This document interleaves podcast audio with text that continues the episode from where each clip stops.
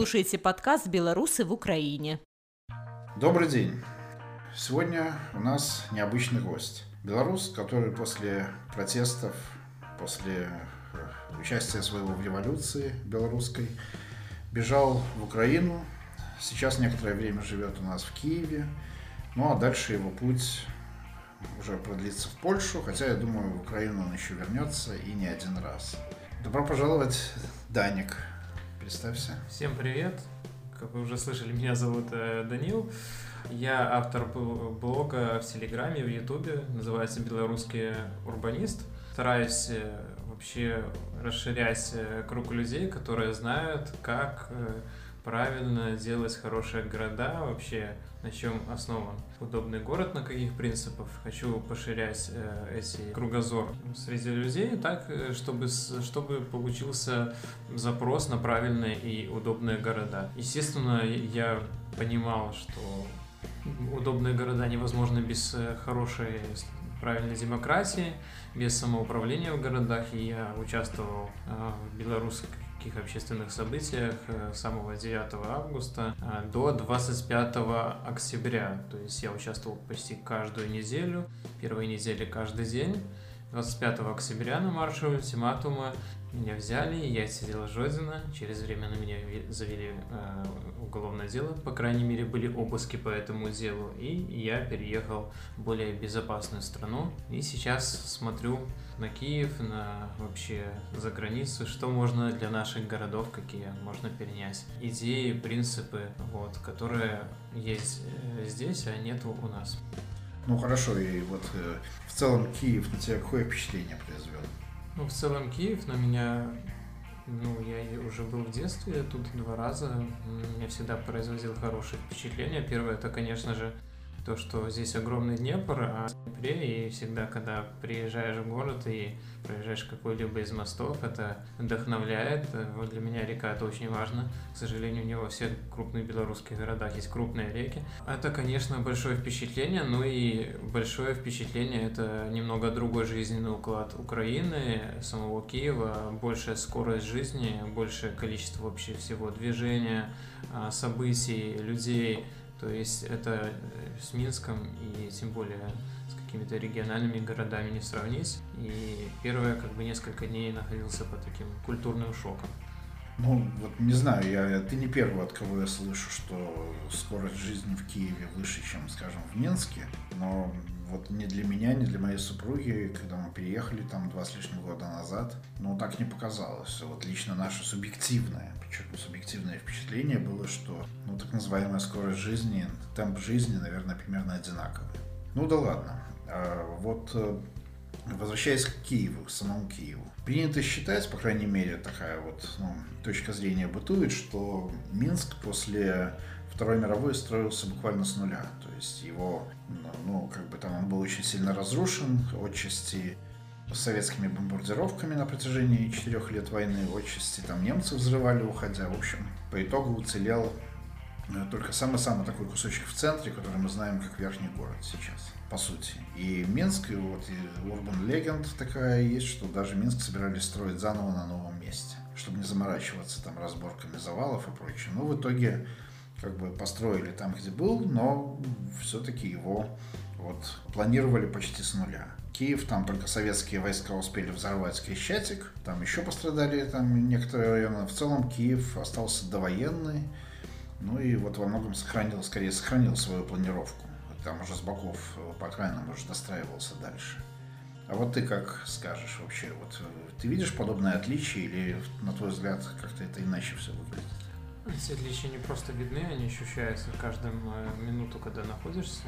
А, на самом деле архитектура это такое искусство, одно из самых важных. Люди на него не обращают внимания, все думают о, о музыке, о картинах, но на самом деле то, где ты живешь и в какой среде, это оказывает одно из самых больших влияний на формирование человека. И так как Минск а, построен был таким образом а, более советский, более по-модернистски, Конечно, он же он не был снесен полностью во время Второй мировой войны. Многие районы оставались достаточно по европейским меркам уцелевшими, по меркам Варшавы, например, тем более. Ну, А, Варшаву вообще да. земли. В- Варшаву вообще строили с нуля фактически. И после войны существовало много красивых исторических районов, э, оставшиеся исторической застройки. Однако пролетарский дух э, архитекторов и строителей никуда не делся. И, например, снесли всю старую Немигу для того, чтобы построить замечательное шоссе, ну, улицу Немигу. И например, такую огромную многоэтажку, да, дом Усинского и торговый центр. Делалось э, специально многими зданиями, я считаю, что специально, это мое субъективное мнение, э, разрезался весь э, вид исторического центра, и сейчас это несколько разрозненных кусочков. Это верхний город, верхний город Белпромпроектом тоже разрезан визуально на две части этим огромным зданием. Потом э, зданием дома Мусинского разрезано Раковское предместье и Верхний город. То есть э, вообще по планам было потом оставить только вот этот собор в центре, который возле станции метро Немиги, и построить огромные две высотки и дом культуры. А, Ты сейчас собор имеешь в виду Свято-Петропавловский, самый древний, а, нет, каменный, или который на холме, На холме, э, который- кафедральный?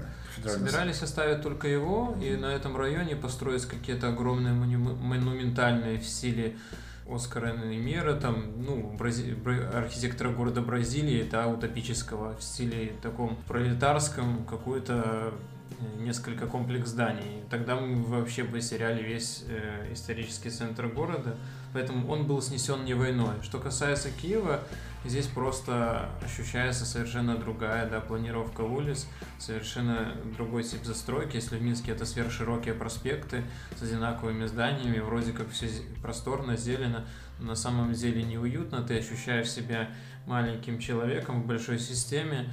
Холодно всегда очень, когда поднимаются ветра в осенне-зимний период. Когда ты приезжаешь в Киев, множество маленьких улочек, да, многие они застроены в советское время, но э, везде есть какие-то сохранившиеся старые именно улично-дорожная сетка, и вообще Киев гораздо более уютнее, персональнее для человека ощущается в разы, чем Минск, потому что как раз-таки здесь вот не проложили так про- по-пролетарски новую какую-то улично-дорожную сеть с огромными широкими проспектами через центр.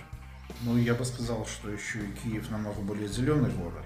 Все-таки в Минске, особенно в последние десятилетия, ну, так уничтожается массово зеленое, вот, зеленое насаждение, что просто жуть даже вот на проспекте Независимости уже там найти какие-то деревья достаточно сложно, а Крещатик, например, весь полностью зеленый, там засажен этими огромными каштанами и так далее. Вообще, Насколько я помню, среди европейских столиц Киев э, абсолютно лидер по площади зеленых насаждений на человека. Вот, э, это я могу только признать. Но вообще вот э, современную архитектуру Киева как ты оцениваешь?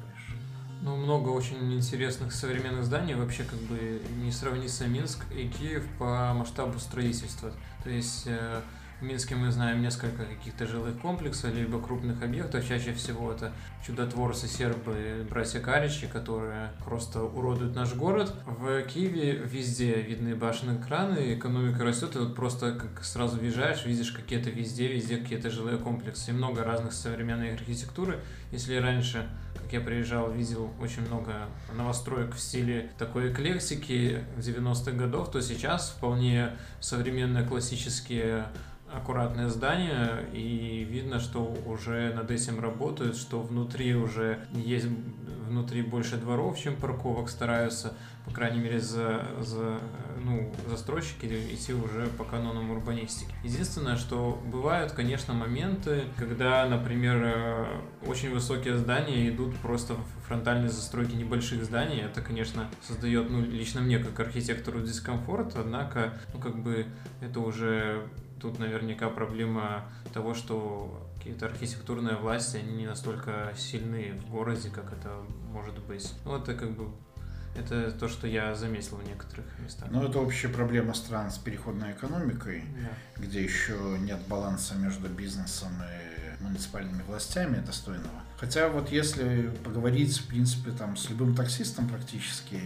ну, который киевлянин, приезжие, или там просто с коренными киевлянами, они хором начнут говорить, как испоганили Киев за последние годы эти застройщики. Хотя, например, когда вот мы приехали, нам тоже архитектура здесь современная конечно, очень нравилась. Ну хорошо, это архитектура этих больших форм, а вот приспособленность для жизни.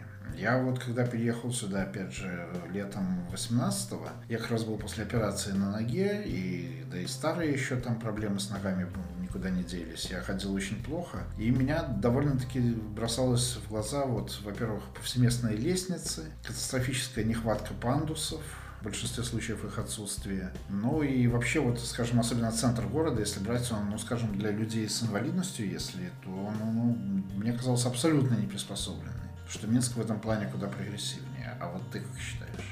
А, мне тоже это бросилось в глаза. Ну, вот, хотел сразу обобщить, как бы мы подход на городов зарубежья. То есть, ну, я в своем блоге стараюсь видеть, показывать больше положительных опытов зарубежных городов, потому что это полезно будет для Беларуси и для городов Беларуси, чтобы люди могли видеть и потом требовать, ну, понимать, как, как правильно, ну и потом в будущем от демократических властей требовать это. А недостатки я как бы уже оставляю на местных э, жителей, однако действительно вот этот момент очень бросился в глаза. Минск тоже мягко говоря, не идеален в отношении безбарьерной среды. А если так э, сказать, что такое безбарьерная среда, вообще правильный город и город демократический, то есть равный для всех город, он э, состоит такой, что он должен быть удобный абсолютно для всех. Когда делаешь город удобный для бабушки или для человека с инвалидностью, он становится удобным для всех. В Минске, как это сказать, некоторые просто стандарты, которые государство да, навязывает, что обязательно должны быть какие-то, ну, не только там лестницы, пандусы и так далее. Поэтому везде это делается, потому что это уже железно за зашито во все как бы правила, однако чаще всего реализация подкачивает. И много где не работают лифты, там много где пандусы сделаны просто, чтобы сдать, э, ну, в большинстве случаев, чтобы просто сдать объект без проблем. Здесь же, здесь вообще, ну, здесь ситуация с безбарьерной средой, ну, реально очень тяжелая. То есть здесь э, в большинстве случаев просто даже обычному человеку достаточно тяжело передвигаться и по асфальту, запаркованность, и очень большие перепады высот, и в лучшем случае там есть лестница. Однако я заметил, что улицы, которые сейчас делают новые, те, которые в центре города я заметил, и не только в центре, именно реконструкции последних лет. Там все сделано, во-первых, э, очень на высоком качестве, сама мощение, сами бордюры все в ноль, то есть все сделано в ноль, не, нет нигде выступающих бордюров. Ну и плюс э, там действительно все по канонам урбанистики и навигация для слабовидящих и очень такие срезы на дорогу выходят не, не под большим углом, и велодорожки проведены отдельно, сделаны по правилам, чего в Беларуси вообще нету. Много моментов видно, что э, новые дороги, которые, именно новые улицы, которые делают, делают идеально. Даже я вот не нашел к чему прикопаться. А так, как, конечно, Киев большой, много лет, я так понимаю, в инфраструктуру не особо вкладывались. Это мягко сказано. Мягко сказано. И это наложилось. Сейчас большой куб проблем, но я вижу то, что делают новое, делают очень качественно, и я думаю, что это надолго. Ну да, я замечу, вот там едешь, например, по проспекту Степана Бандеры, вот мы ездим в этот в эпицентр, когда там за мебелью какой-то идеальный асфальт, идеально все ровно сделано, или вот по набережным, там дороги, которые вдоль набережных, там, ну просто там как гладкое, как стекло. Ну и вообще, я должен сказать, в Украине в силу реформы децентрализации очень такая вот интересная наблюдается проблема. Вот я ездил я несколько раз там по делам в, ну, по областям, там, в Сумскую область, в, в Полтавщину ездил и так далее. Вот едешь, скажем, дорога разбитая совершенно в ноль, там, автобус швыряет, бросает, там, иногда приходится просто ему ехать рядом с дорогой, потому что дорога там, даже танки смутятся ехать. Вот, а потом раз, и гладюсенькая, ровненькая, идеальная дорога, фонари на солнечных элементах. Все идеально, все красиво, как будто ты во Франции где-то едешь. Вот я серьезно, даже не в Польше, а во Франции. Проехал так километров 30-40 и снова начинается ад. Это что это было? Это была территориальная громада, где вот в рамках политики децентрализации, значит, местная громада, местная община получает возможность вести хозяйство сама, оставлять у себя львиную долю налогов от местных предприятий. У них есть деньги, они ими распоряжаются, строят школы, дороги сами. И вот э, сразу видно, где хозяева есть на своей земле, а где нет. Но это уже за пределами Киева.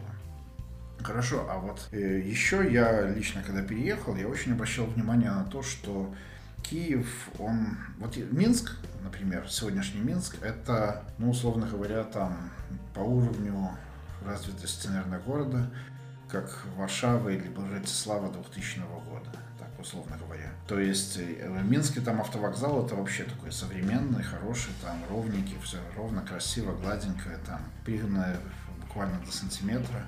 Вот. А в Киеве, то есть Минск, он весь в среднем на одном уровне более-менее, как мне кажется, опять же. Киев, он абсолютно эклектичен. Там ты высаживаешься на автовокзале, который как будто там начало 90-х, разбито, раздолбанный с какими-то сумрачными типами, там Разве что вот наперсточников не хватает для полноты картины. И стоит там добитый трактор Беларусь 70 лохматого года, который там что-то делает. А прямо рядом, там в двух шагах, суперсовременный торговый центр, где ты можешь рассчитаться там по радужной оболочке глаза, там еще что-то, еще что-то. То есть, ну, такой вот 21 век в самом таком расцвете. Выходишь из этого центра, опять переход, там болтается одинокая лампочка, там трусы по стенам развешаны, торговля в переходе, опять окунаешься в 90-е. И вот так вот по Киеву тебя бросает.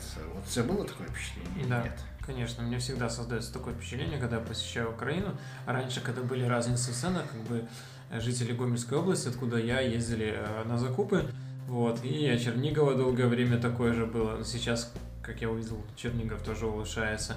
А насчет вот инфраструктуры, децентрализации и вообще того, что а, в Беларуси как бы многие украинцы, которые там были проездом тоже, вот у вас так все круто, а у нас нет. А начнем с того, что в Беларуси не, не будет больше никакого качественного развития городов. Почему? Потому что сейчас все уперлось в потолок э, такой автократической власти, когда как бы э, сдать всем многонейный сиденье, выровнять дороги и покрасить фасады, ну, нашлось, как бы это все более-менее поддерживается пока что. А дальше развивать город, инфраструктуру, ком... а это без коммуникации, равные с городскими жителями, без э, реальной децентрализации, да, где города могут себе оставлять какой-то бюджет. Дальше без выбранности развития городов не может быть. А в Украине есть и децентрализация, и выбранность э, мэров городов городов и так далее. И пока что, пока что, Украина выглядит э, ми, ми, худшее по, по инфраструктуре и в целом выглядит чуть-чуть хуже, чем Беларусь, а во многих местах уже выглядит лучше. Но это пока что, и эта скорость очень большая, и мы находимся, наверное, в последнем таком историческом моменте, пока что, когда Украина отстает. Если как бы мы быстро не сделаем перемены, то нам потом придется им их догонять. Это э, насчет инфраструктуры. Ну, хотелось еще добавить, что я когда переехал в границу, ну, у меня были переживания, что вдруг там возьмут, вдруг не возьмут. Когда переехал в границу, стало спокойно, я начал засыпать. И первое время ехал, я чувствовал, что засыпаю под кочки, но думаю, а, Украина, как бы кочки на дорогах, засну, посплю. Естественно, поспал, просыпаясь под Киевом, увидел уже огромные пробки, которые здесь просто невероятные. Оказывается, всю эту трассу, которую я помню всегда так сказать, не в лучшем случае восхищался, не, не, не, не в лучших как бы, моментах видел, что она реально убитая, отбитая. Оказывается, я сегодня вот узнал, что она делается, и она делается здесь, в отличие от Беларуси, не своими собственными подрядчиками, здесь реально на конкурсной условии, на конкурсной основе выбирают международных разных подрядчиков. Э, кстати, я сразу скажу, что здесь строят дороги и белорусы, и китайцы, да. и итальянцы, вот. и местные, кто только не строит. На Чернигов работают азербайджанцы, например, и так далее. И я увидел, ну, тут есть YouTube канал человека, который сейчас ездит, его пускают снимать строительные объекты, в том числе там какие-то стратегические мосты, еще что-то. Он обозревает, например, инфраструктуру Украины. И везде строится что тут говорить, Подольско-Воскресенский мост, в Запорожье мосты начали строиться, то есть все самые. А, удивительно, да, и трасса Чернигов-Киев э, строится, многие трассы строятся и строятся действительно качественно. То есть здесь учли важный момент, когда подрядчик и заказчик это разные люди. А у нас, например, Минск автодорстрой какой-нибудь, он по-любому подчиняется той же власти, которую заказывает. И потом они делают все к 7 ноября, делают это все так, чтобы как бы плюс-минус не казалось плохим, им абсолютно плевать там на то, что какие-то на какое-то действительно качество, на гарантию. Лужи появляются очень быстро, потому что лужа это тоже брак. Вот в современных дорогах как бы дренаж это, если появляется лужа, то на нее должна быть гарантия на дорогу, как бы делайся, переделывайся нормально. И тут видно, что новые дороги сделаны нормально, новые улицы, потому что видно какие-то обязательства на заказчиков накладывают. И это реально вот то, чему надо одна из первых реформ, думаю, когда, какая должна быть в Беларуси по поводу дорожного строительства, чтобы был, э, были на равных правах абсолютно все застройщики, которые хотят по техническим заданиям делали дороги, делали инфраструктуру, ну, как-то так. Я с тобой в целом соглашусь, но немножко поспорю, потому что улица Маршала Рыбалка, на которой мы сейчас находимся, по которой я хожу на работу, уже третий год хожу на работу по ней, и третий год, каждую осень, ее переделывают, кладут заново асфальт внизу там вот, потому что она почему-то вот, эта улица Маршала Рыбалка, в нижней части постоянно приходит в негодность. Кто-то говорил, что там воды со стадиона идут под асфальт, размывают, кто-то еще что-то, но каждую осень там перекладывают асфальт вот на пересечении с Черновола. И это, мне кажется, что эта музыка будет вечной. Но, с другой стороны, вот насчет местной власти, я хотел сказать, конечно, и насчет того, как власть слушает людей. Ну, во-первых, в Украине, в отличие от, принципиальное отличие от Беларуси, здесь каждый знает своего депутата. Причем не просто знает, а знает на всех уровнях своих депутатов. То есть и городском, там, муниципальном, э, и вплоть до Верховной Рады. И здесь реальная политическая конкуренция, и это выливается в то, что депутаты здесь реально занимаются делами горожан. И вот э, очень яркий пример тому, это под нашими окнами стадион «Старт» знаменитый, на котором был исторический такой марш, матч смерти во Вторую мировую войну знаменитый. Так вот, этот известный очень стадион, его еще буквально 4 года назад хотели полностью ликвидировать и устроить тут, тут просто строительную площадку, построить вот высотки офисные, жилые и так далее. В итоге эти высотки строятся сейчас за стадионом, что вот Даник хорошо видит из наших окон. Сам стадион просто люди отстояли. Они просто не то, что отстояли там митингами и так далее, они просто сказали своим депутатам, что если вы допустите строительство на месте стадиона, то больше вы депутатами не будете.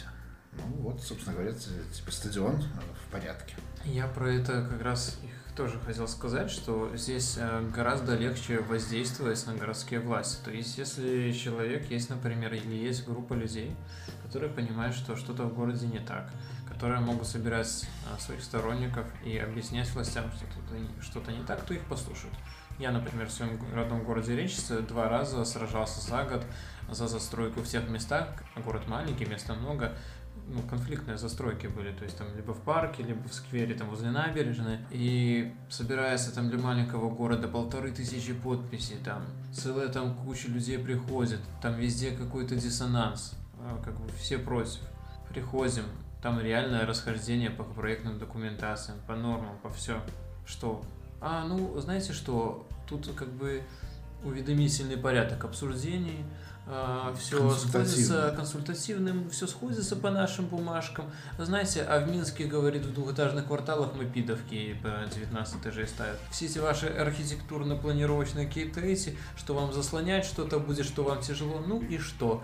И все. И приходится просто вокруг обычных э, таких моментов бытовых, которые, ну, в каждом городе где-то что-то кому-то не нравится потом договариваться надо, да, с местными жителями, что всех все устраивало. А приходится идти на уровень телевидения государственного, там, негосударственного, поднимать такую шумиху. Это такой налог на автократию, как один человек сказал.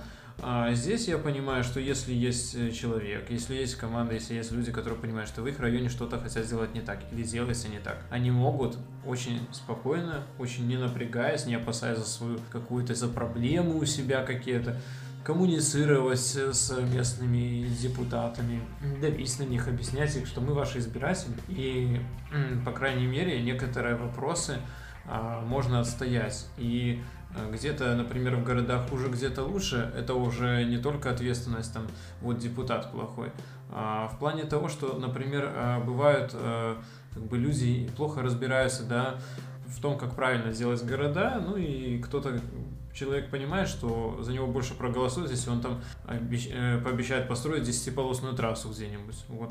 Неважно, как бы, правильно она или нет, но он понимает, что такое обещание большинству людей дойдет. Но если в этом городе появятся люди, которые объяснят э, горожанам, что уже давно в западном и в просвещенном мире никто через город десятиполосные дороги не прокладывает, и что расширение дорог не всегда ведет к борьбе с пробками, что есть комплексные подходы, что если они это поймут, плюс плюс подключатся местные жители, которые будут жить рядом с этой трассой, то очень быстро э, человек, который идет на выборы, поймет, что обещать им десятиполосную хайвей под, э, через город, под окнами. Э, ну да, под окнами, то не получится ему избраться, поэтому он уже думает о других планах, уже начинает говорить в Киеве все все, кто сейчас участвовал в выборах последних, все что-то обещали. Либо кто-то выделенные полосы для общественного э, транспорта, кто-то трамвай, Кличко там метро на Троещину и на Виноградар обещал. Ну, все уделяли внимание сейчас общественному транспорту. Метро на Троещину это вообще Это мем, конечно, такой, да, да, я понимаю, но хоть что-то, каждый уделял внимание общественному транспорту, потому что оказалось, что не только есть знакомые автомобилисты, да, что есть люди, у которых конкретный запрос на общественный транспорт. И все уже в этом направлении двигаются. Сейчас, я, насколько знаю, стало больше выделенок в Киеве, да. будет больше. Да я насколько увидел, что сейчас по урбанистическим законам перекресток возле Сума сделали, сделали островок безопасности буквально за неделю, пока я тут был. А, сделали более логичный для автомобиля съезд и заузили полосу. Это увеличивает безопасность на дороге. Понятно, что не всем автомобилистам понравится, но а, в целом я вижу, что город потихоньку, но двигается в очень правильном направлении. С точки зрения урбанистики тоже. Ладно, мы будем завершать уже нашу беседу. Вот, поэтому хотел сказать, что да, Киев преображается, это факт. Киев меняется. К счастью, Киев не становится менее зеленым, что лично для меня очень важно. Я вот даже хочу отметить такой интересный момент. Когда мы еще жили на старой квартире здесь, которую снимали, э, прямо почти напротив нашего дома был дом, который снесли. Вот огородили Просто старое здание, под снос его оградили забором, стройплощадку снесли, там остались куча строительного мусора. И что меня поразило, потом их уже убрали. Что меня поразило, дом снесли, но внутри вот этого ограничения забором где как это было как стройплощадка, не повредили даже ни одно дерево то, что не вырубили, они повредили даже. То есть дом снесли, все деревья вокруг него э, старые, большие, остались стоять. Это при том, что в Минске, когда какое-то любое строительство или разбор, первым делом там уничтожаются деревья, чтобы было все гладенько, тракторам ничего не мешало ездить э, и так далее. Вот мне кажется, что отношение людей здесь к природе окружающие их э, действительность немножко другое. Ну, здесь, например, запросто можно прийти там в кафе, в магазин с собакой, там э, pet-friendly почти все кафе, там еще и, там принесут мисочку с водой, там спросят, чем покормить и так далее. То есть в магазин люди запросто заходят с собаками, там, с кошками, и никого это особо не напрягает. В Беларуси это был бы сразу, конечно, конфликт, там, истерика и все такое. То есть, ну, вот как-то мне кажется, что дело во многом еще и в людях. А, тебе. Ну, знаешь, насчет людей, насчет озеленения Минска, скажу так. Э, в Минске проспект независимости уже много лет, каждый год засаживают саженцами, которые потом загибаются, потому что саженцы садят неправильно, и в то время как бы они слабые, проспект огромный, почему-то 8 полос, почему-то шоссе через центр, хотя логично, что это больше прогулочная зона, должна быть. Но дело в том, что люди предлагали люди уже писали много петиций, на все отказы. Нет, наши саженцы лучше, чем готовы, на готовые деревья из питомников. Нашлись люди, которые договорились э, с коммерческими банками, которые готовы были купить в качественных питомниках хорошие деревья и с проспектом независимости, чтобы он был как раньше. Что же вы думаете? Конечно же, исполком уперся. Поэтому в чем-то, возможно, и люди здесь э, действительно ответственнее, но у нас э, гражданское общество подавлялось 26 лет. Однако я думаю, что когда гражданское общество сейчас очень быстро развивается, и дворовые, районные коммуникации очень выросли в десятки, сотни раз за последние два года, а, я думаю, что это все будет платформой для обалденных изменений, и у нас реально будет ответственное общество через несколько лет, когда изменения Дай бог, дай бог, потому что очень да. этого ждем. А что касается, кстати, Мингрузполкома деревьев, там дело не в деревьях, а дело в том, что просто нефиг указывать начальству, что делать. А что касается центра Минска и восьмиполосной дороги через Минск, то ты пойми, это делалось в советское время, либо уже потом, но люди, все еще советскими людьми, парады ж надо проводить. Ну да. Вот, как, э, чтобы парад провести. Уже не там. Ну, все равно, сама идея, сама идея. Да. Хорошо, у нас в гостях был Даник, белорусский урбанист, автор канала «Белорусский урбанизм». Рад был тебя видеть, надеюсь, мы не в последний раз обсуждаем урбанистику Киева и Минска. Конечно, буду рад еще раз. Все, всем до свидания.